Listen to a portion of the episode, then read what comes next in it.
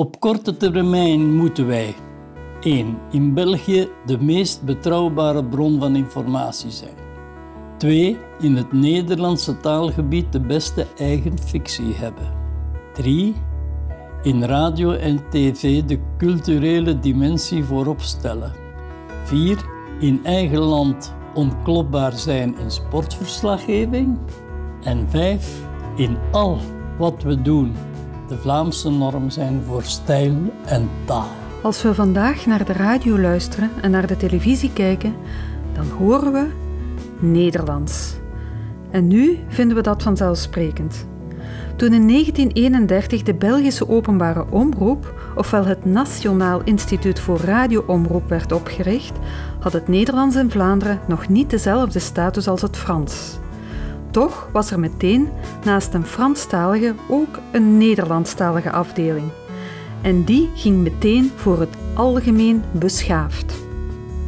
In de vorige aflevering van Kinderen van het ABN maakten we kennis met de ABN-activisten en hun strijd tegen de Franstalige elite die op hen neerkeek. In deze aflevering gaan we op zoek naar een antwoord op de vraag welke rol de piepjonge openbare omroep zichzelf in die tijd had toebedeeld en hoe ze die wilde waarmaken. Dit is aflevering 2. Hier leert men Nederlands. Boven de klassieke stad der stoeten reist de lieve vrouwentoren.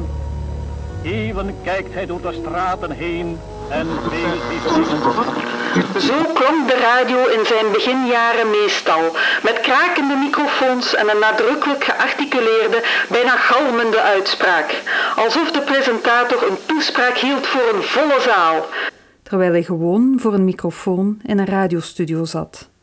En later, in de beginjaren van de televisie, was het ook van dat. Je kon heel goed horen dat dat niet uh, het vlotte alledaagse gebruik was. Dat was meer in de richting van declamatie. Dit is Cas Goossens. Je kent hem misschien nog als administrateur-generaal van de BRT in de jaren 80 en begin 90. Maar hij begon zijn carrière als piepjonge radiojournalist voor de Wereldtentoonstelling, Expo 58. De verklaring voor dat nadrukkelijke spreken en articuleren is volgens hem simpel. De openbare omroep beschouwde zichzelf als een rolmodel.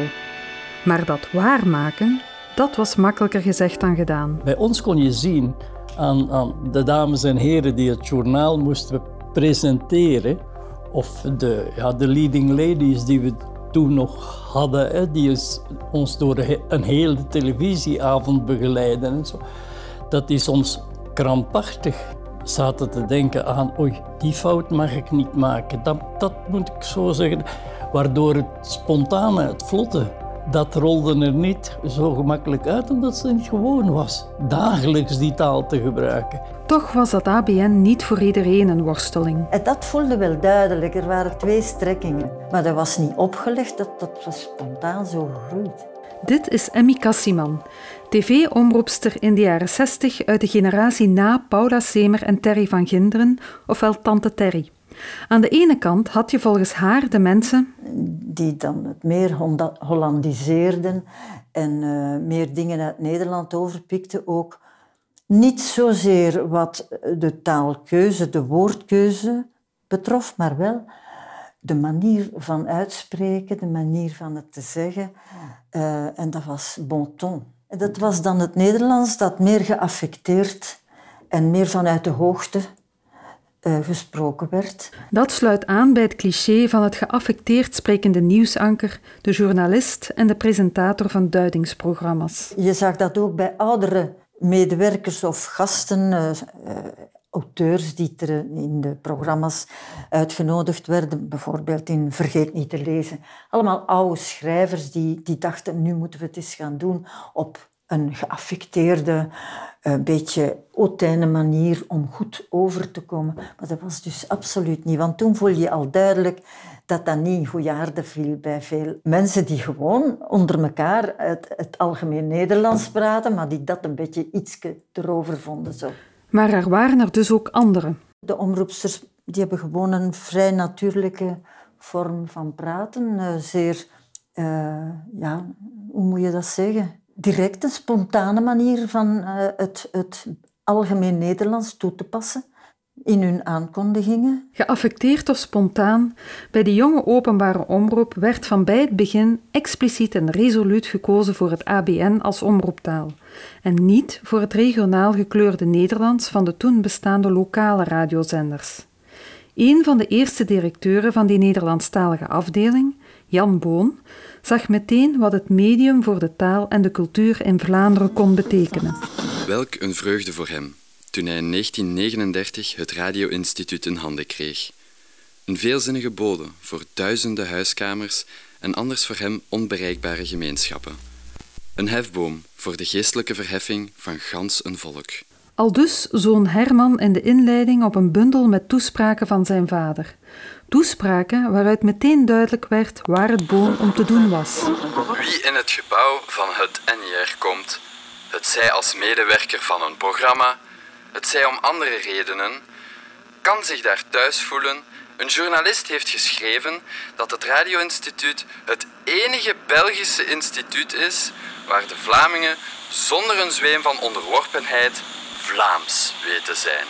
En daarvoor zijn cultureel hoogstaande radio- en later tv-programma's nodig, in een even hoogstaande rijke taal. Die strenge eisen voor vorm en inhoud blijven bij de openbare omroep centraal staan.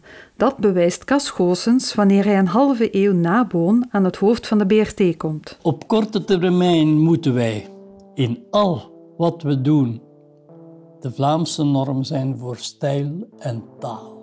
Maar hoe pak je dat aan, de norm zijn voor stijl en taal? Wie bepaalt de norm voor taal? Ja, wie bepaalde dat? Er waren nog geen websites, geen taaladviseurs, zelfs amper taalgidsen. Maar er was wel iets anders: het toneel. In het pre-televisietijdperk speelde dat toneel een centrale rol in het dorps- en stadsleven. Elke school en vereniging, van jeugdbeweging tot fanfare, voerde minstens één keer per jaar een stuk op om geld in het laadje te brengen. De meeste van die stukken waren in een soort algemeen Nederlands. Dat gold al helemaal voor de theaterstukken van professionele gezelschappen. Professionele acteurs werden dan ook stevig gedrild in dat goede, iets of wat geaffecteerde en nadrukkelijk gearticuleerde Nederlands. En veel vroege radio- en televisiepresentatoren kwamen uit die theaterwereld, reflecteert Emmy Kassiman. Bijvoorbeeld Paula Semer was een actrice uh, in het dramatisch gezelschap van de radio. Dat waren allemaal gevormde acteurs. En uh, dat was wel een belangrijke kern op de radio. In 1934 verscheen er wel een gids die meteen de uitspraaknorm in Vlaanderen voor de volgende generaties bepaalde. De H goed aanblazen. Zoals in huis en haven, luister dus ook naar de S van is in dat is alles. Het was de praktische uitspraakleer van de Nederlandse taal van de Gentse professor Blankaert. De grammofoonplaten die erbij horen waren inderdaad die van Jan Lehambre uit de vorige aflevering, waar hij zijn uitspraak mee oefende. Deze uitspraakleer is gebaseerd op wat in die tijd als beschaafd Hollands beschouwd werd. Beschaafd Nederlands wordt gesproken door de ontwikkelde Noord-Nederlanders en Vlamingen die hun dialectgewoonten achterwege laten. Vandaag is die nog steeds de basis voor de neutrale Vlaamse standaardtaaluitspraak. En ze was lange tijd impliciet de norm voor... De fameuze stemtest, waar enorm veel belang aan gehecht werd vroeger. In de vroegste jaren van de radio was die stemtest er niet. Ze is er gekomen in de jaren 50. Op die manier kon het NER, later de BRT, de beste stemmen selecteren die konden dienen als norm voor stijl en taal. Die stemtest was wel het begin van alle selecties die er nadien ook bijgekomen zijn. Kon je daar niet in slagen in die stemtest, dan kon je niet verder. Maar waaruit bestond die stemtest dan? Oh, gewoon een aantal teksten voor de microfoon, uh, aflezen, uh, praten met een, een gesprekspartner. Gewoon een vlot gesprek en uh, ja, dat was het. Voor een, een jury die dat dan nadien moest beoordelen, maar we zagen hem niet. Dus het was geen contact live, maar gewoon een, een, een bandopname. Die strenge selectie gold overigens niet alleen voor de vaste radio- en televisiestemmen. Je kon op de radio of op de televisie zelfs niet gaan zingen zonder dat je geaccepteerd was door een commissie die je beoordeelde op gebied van uh, enerzijds muzikaliteit en, en wat je presteerde in de muziek, maar anderzijds ook vanwege je taal en uitspraak. Zo kwamen alleen de goede rolmodellen, de crème de la crème op de radio en tv. Maar die rolmodellen moeten het na hun selectie ook goed blijven doen. Achter de schermen stak de Gentse professor Willem P. een handje toe. P. was de opvolger van Blankaart en de toenmalige voorzitter van de VBO, de Vereniging voor Beschaafde Omgangstaal. Cas Goossens vertelt hoe dat ging. Die kwam dus geregeld op de redactie binnen en dan pakte die een van ons eens eventjes mee naar een... We hadden daar nog een, klein kamertje waar het archief in zat en zo. En dan praten we met P over uitspraak, taal en zo. Hij vond ongeveer van iedereen dat ze lispelden. Hij vroeg mij eens een keer, wat is uw grootste fout in uh, uitspraakfout, denkt u zelf? Ja, professor, misschien mijn Kempische O. Dat? Nu, u lispelt. Maar iedereen lispelt. Dus u lispelt. Een prof die af en toe iemand op de vingers kwam tikken vanwege al dan niet vermeend lispelen, dat is wat mager als taalzorg. Daarom besloot een van de BRT-medewerkers er zelf werk van te maken. Karel Hemrichs. En dat was perfecte taalverzorging.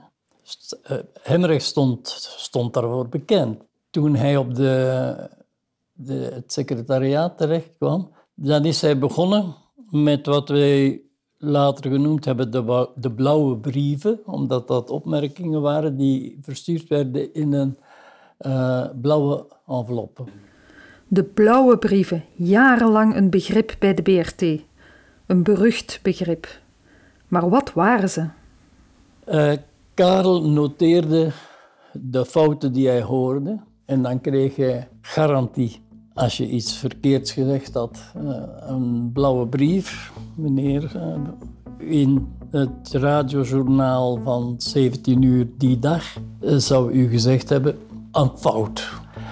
Mensen die het kunnen weten, menen dat het had moeten zijn dat. En zo werd er, was dat dus een, een, een, politiek van zeg wel en zeg niet. Hè? En uh, uh, je moest daar ook op antwoorden dat, dat je het genoteerd had. Dat waren gewoon medewerkers van heel uh, de omroep die ergens een fout gezegd hadden of een verkeerd woord gebruikt op een verkeerde manier. En uh, in de plaats van uh, dat persoonlijk aan de persoon mee te delen, kregen wij in ons vakje gewoon een blauwe omslag waarin stond een voorgedrukte pagina. Uh, die dag, die, dat uur, in dat programma heb je gezegd zo en moest het eigenlijk zo zijn. Ondertekend, mensen die het kunnen weten, Sommige mensen apprecieerden die blauwe brieven, anderen niet. Zo, want ik, weet dat ik eens een keertje een opmerking kreeg van Karel. Het moet over een Engelse term, dan niet het Nederlands, maar een e- Engelse term uh, geweest zijn, waar hij zei, foei, Germanist. Je hebt dat gezegd, het moest dat zijn. Hè? En ik had er toen nog op geantwoord, dat, weet, dat briefje terug, teruggestuurd gestuurd mij voert, maar dan op zijn Engels F-O-U-R-T-H, voert. Ik ging vertrouwelijk genoeg om met uh, Karel Hemrechts om dat te kunnen permitteren. Hè.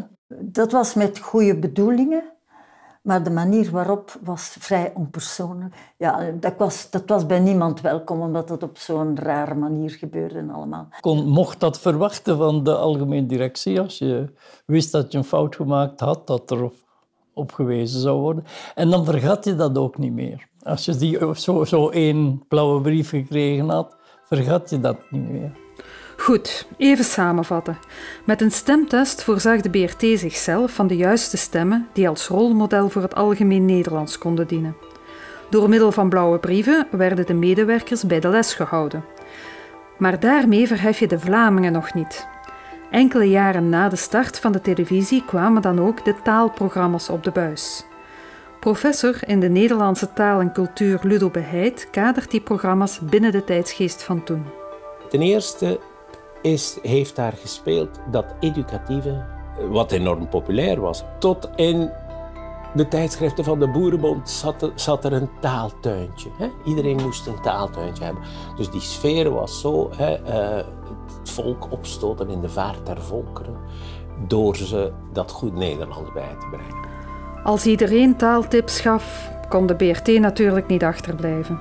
Omdat het ook een beetje de functie van de BRT, uh, eh, die toen wel heel educatief was en, en, en, superviserend voor al wat er in Vlaanderen gebeurt, was dat toch wel een heel belangrijk bastion toen. TV-omroepster Emmy Kassiman was de presentatrice van het eerste volwaardige taalprogramma op de BRT, de Teletaalles. Dat was de voorloper van het bekende programma Hier spreekt men Nederlands. Wel Leo, wat denk je daarover? Zijn er nog andere gidsen dan diegene die wij reeds voorgesteld hebben? Wel, kijk eens, er zijn er nog altijd nieuwe. Het was ook, denk ik, een programma zonder pretentie, zonder uh, het vingertje dat je wees van hoe moest het en hoe moest het niet. Het waren interessante mededelingen en gesprekken met mensen die met taal en met activiteiten rond taal en, die daarbij betrokken waren. Maar er was nog wel een ander probleem die dat ik even aan dokter Padekoe wil vragen. Namelijk, nu we toch in Noord-Brabant zijn. Uh, dan wordt er ook gij gezegd, nietwaar, in de tweede ja, persoon? gij is uh, praktisch in heel Noord-Brabant even goed de normale vorm van het uh, dialect als in de provincie Antwerpen, in Zuid-Brabant, in Oost-Vlaanderen ook. Het lag een beetje in de trend van wat er toen gaande was met de acties. Ik denk dat daar een beetje bij aan sloot om eh, de openbare omroep ook op zijn taak een beetje te wijzen van het vulgariseren van het standaard Nederlands eigenlijk. Hè. De teletaalles was het eerste voorzichtige begin. Ik denk dat het, als ik het mij goed herinner, eenmaal om de veertien dagen plaats had. Maar dat is dan plots ook weer gestopt. Het heeft niet zo lang geleefd, dat programma.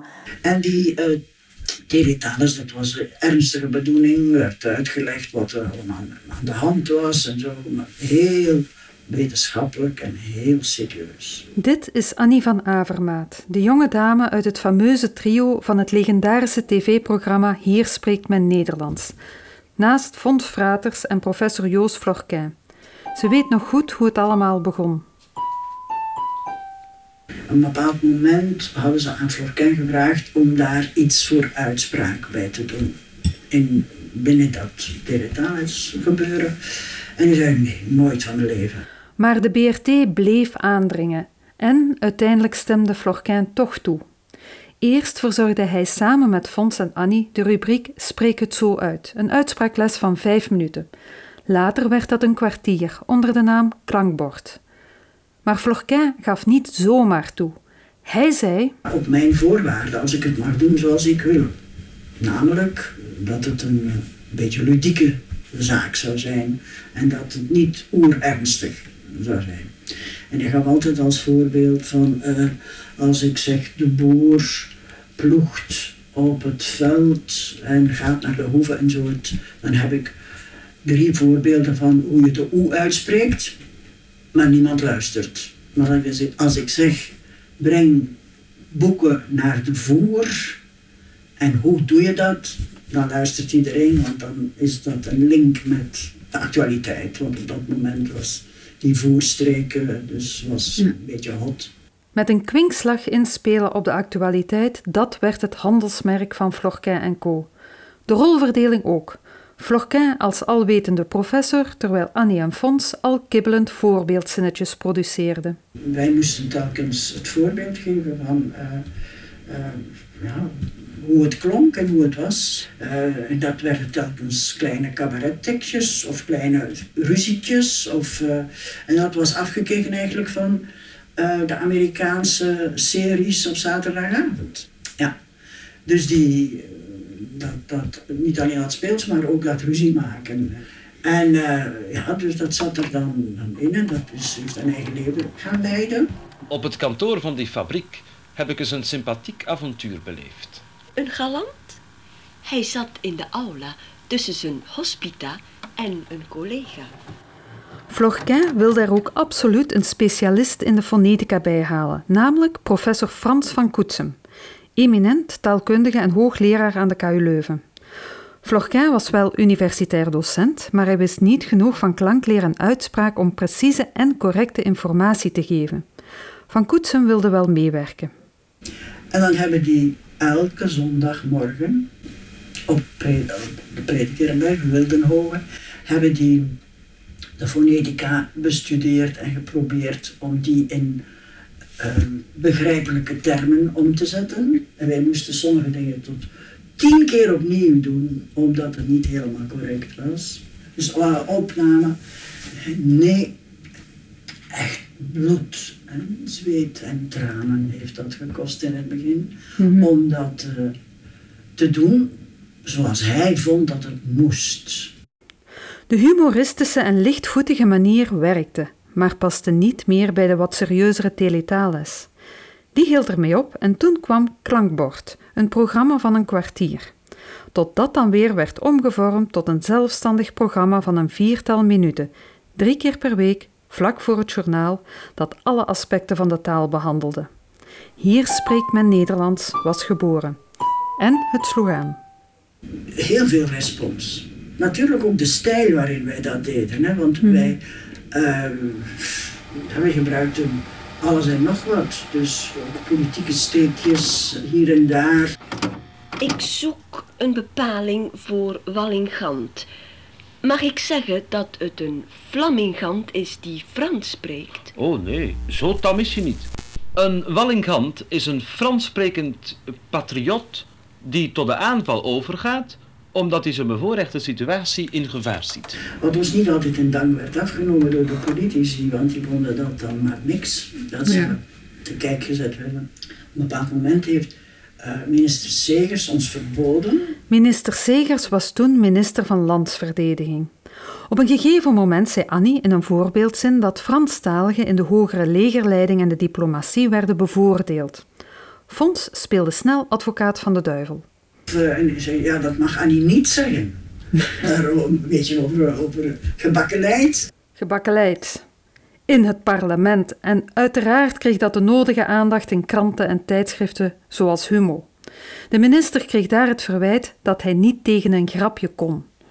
Segers was razend en parlementaire vraag en dan Oh. stilgelegd.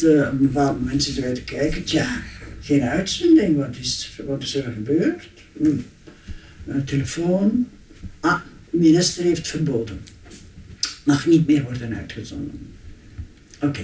Toen zijn er petities gekomen in bedrijven en ehm, van alles en nog wat. Volgens de krant zat de directeur-generaal van de BRT in het buitenland. Die bekeek meteen toen hij terug was de hele zaak, besprak ze met alle betrokkenen en En toen zijn ze verplicht geweest om, om opnieuw uit te zenden. Ja. En dan eh één voorwaarde.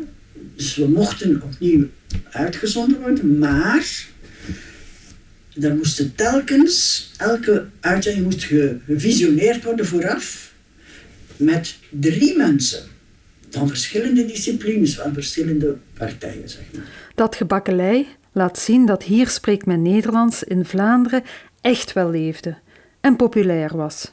Hoewel niet bij iedereen.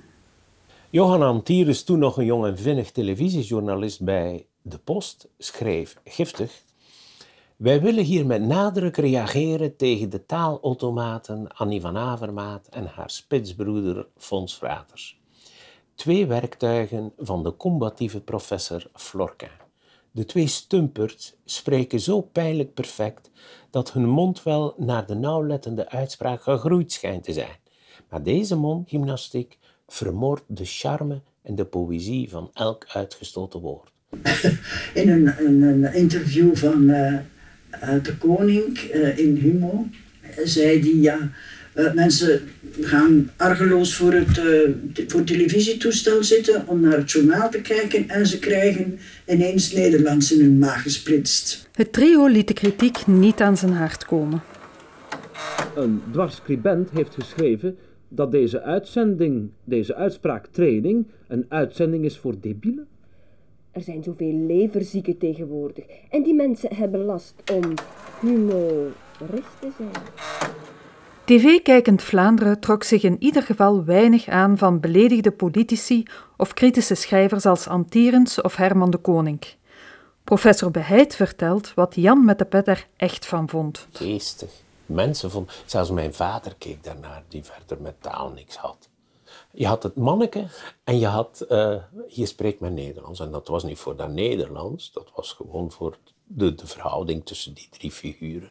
En de hond die ook nog eens iets zei in het, uh, in het ABN. Hè? Dus het, het, het, was inderdaad... Uh, het had iets ontspannends. Annie van Avermaat herinnert zich de vele brieven van het publiek en de telefoontjes aan Florquin. Hoe, hoe ze dat nu gevonden hadden, dat weet je niet, maar blijkbaar was het niet zo moeilijk. Ja, zelfs s ochtends om zeven uur iemand die zei, uh, kun je mij eens uh, zeggen dit of dat en dat. Het ging over, over is het nu living, living room, leefkamer of woonkamer, wat is het nu? En eindigde, ik mag u dat toch allemaal vragen, want ik betaal televisietax. Dus ik vond dat, ze vonden dat ze recht hadden om mensen om zeven uur s ochtends op te bellen om vragen te stellen daarover. Florquin op tv, taaltuintjes en kranten en tijdschriften.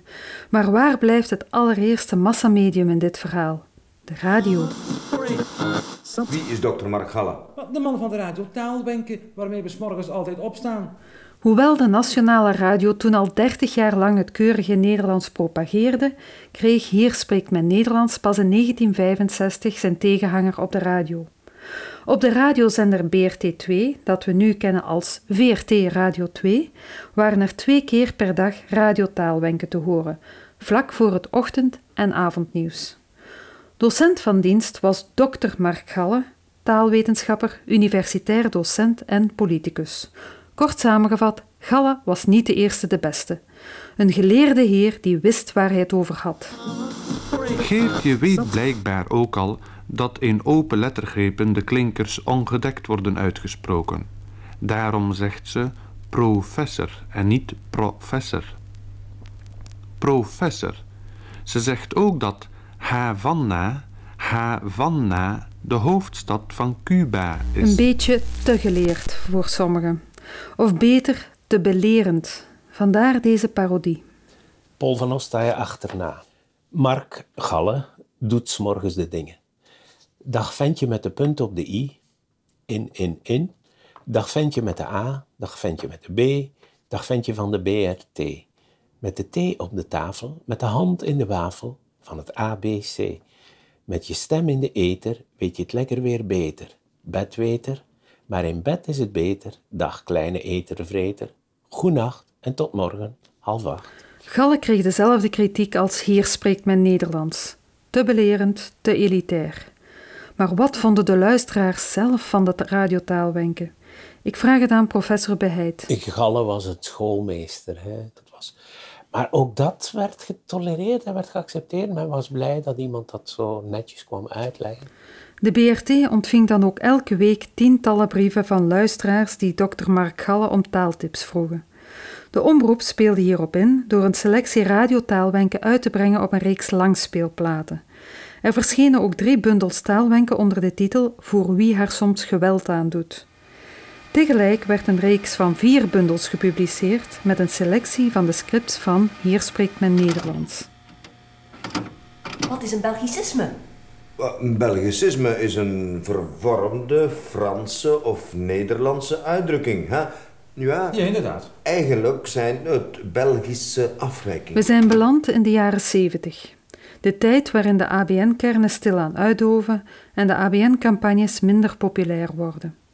En eind 1972 trekt de BRT de stekker uit Hier spreekt men Nederlands. Ja, Nick Bouw, die uh, toen uh, aan leiding gekregen had, die vond dat er te veel culturele programma's waren. En daar moesten geknipt worden. En nu heeft hij de bezem erdoor. We hebben geen andere verklaring gekregen. Er was die nieuwe tijdsgeest. Maar in het begin van de jaren 70 gebeurde er nog iets dat het televisielandschap grondig door elkaar schudde. Via de kabeltelevisie kon men naar zenders van Nederland kijken. Gevolg? Televisiekijkend Vlaanderen ontdekte het wervelende entertainment van de televisieshows, muziekprogramma's, wedstrijden met mooie prijzen, showtrappen, danseressen en vlotte presentatoren. en ze keerden zich massaal af van de educatieve, volksverheffende, maar iets wat saaie en belerende programma's van de BRT. Op de radio liep het niet meteen zo'n vaart. Galle zette zijn rubriek verder tot hij er in 1977 zelf mee ophield. Hoewel de BRT voelde dat de tijden veranderd waren, waagden ze toch nog een poging. Ik kreeg toen een verzoek. Mark Halle was gestopt. Mark Halle was voor wie er soms geweld aan doet en hij corrigeerde. Zo was het veelal. Dat is nooit mijn aanpak geweest. Aan het woord is Stijn emeritus hoogleraar zakelijke communicatie aan de Universiteit Antwerpen en de Technische Universiteit Eindhoven. En begin jaren 80 de opvolger van Mark Galle als radiotaalwenkgever. Maar hij deed het niet alleen. Ik kreeg dat verzoek samen met Willy Pennings, die ik zeer waardeer. Willy Pennings was hoofd van de Nederlandse vertaaldienst bij de Europese gemeenschap een, eh, een econoom van opleiding, maar een man die het Nederlands beheerste. Ongelooflijk. Verrept en Pennings verhuisden van Radio 2 naar Radio 1. En ze pakten het anders aan. Ze boden alternatieven aan voor formele, zogenaamd dure stadhuistaalwoorden. Dus het was taalverruiming. Ja. Maar tezelfde tijd boden wij altijd de ABN-term aan, maar zonder iets af te wijzen. Verrept en Pennings hebben nooit de populariteit van Galle kunnen evenaren. Enkele jaren later werd hun reeks taalwenken stopgezet. De hoogdagen van de educatieve radio en televisie waren definitief voorbij. Maar dat betekent niet dat de BRT haar missie van norm zijn voor stijl en taal zomaar losliet. Integendeel zelfs. In 1971 werd er een nieuwe medewerker in dienst genomen. Berode. Eugène Berode de vaste taalraadsman, die nadien in dienst genomen is, die is voortgegaan op het systeem van die blauwe brieven, maar dan in, in, in een wat andere vorm. Maar hij moest dus toezicht houden op uh, de taal. Berode werd de eerste echte officiële taalraadsman van de BRT, die in tegenstelling tot Hemrechts en P de taalzorg voltijds op zich kon nemen. Hij bracht er ook meer systematiek in, maar hij hoefde niet van nul te beginnen. Cas Goossens, de man die in 1986 bij zijn aantreden als administrateur-generaal benadrukte dat de BRT de norm voor stijl en taal moest blijven, had onbewust al wat voorbereidend werk geleverd. Goossens had namelijk eind jaren 60 de stapel blauwe brieven die er intussen was, verzameld, gecategoriseerd en gebundeld zodat... Dat dat makkelijk hanteerbaar was, zal ik zeggen. Uh, iedereen een handboek ter beschikking te stellen van de meest voorkomende fouten.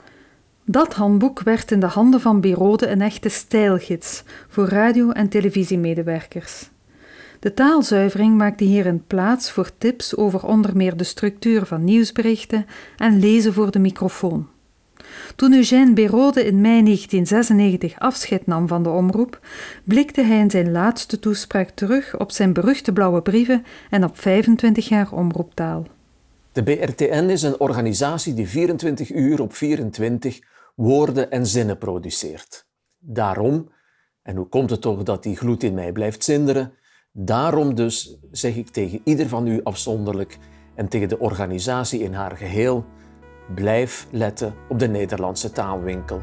Behoud in godsnaam de kwaliteit. Je hoorde de opvolger van Berode, Ruud Hendricks.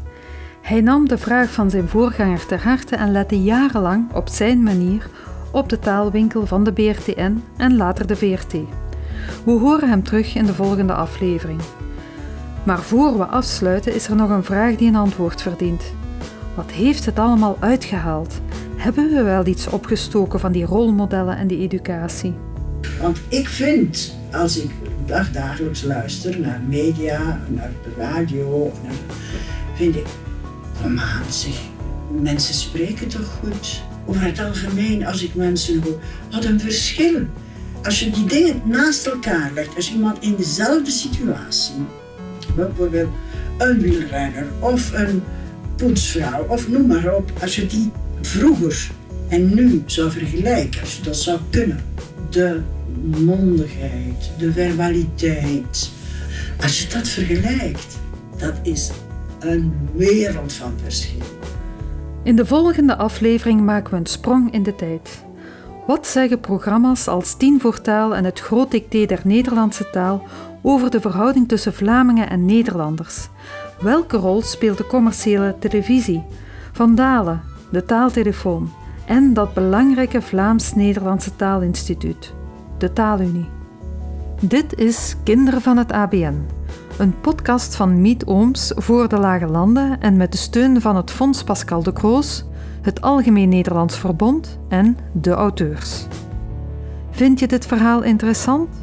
Deel dan deze podcast, geef een like op Spotify of andere podcastplatforms, deel op sociale media en vertel erover.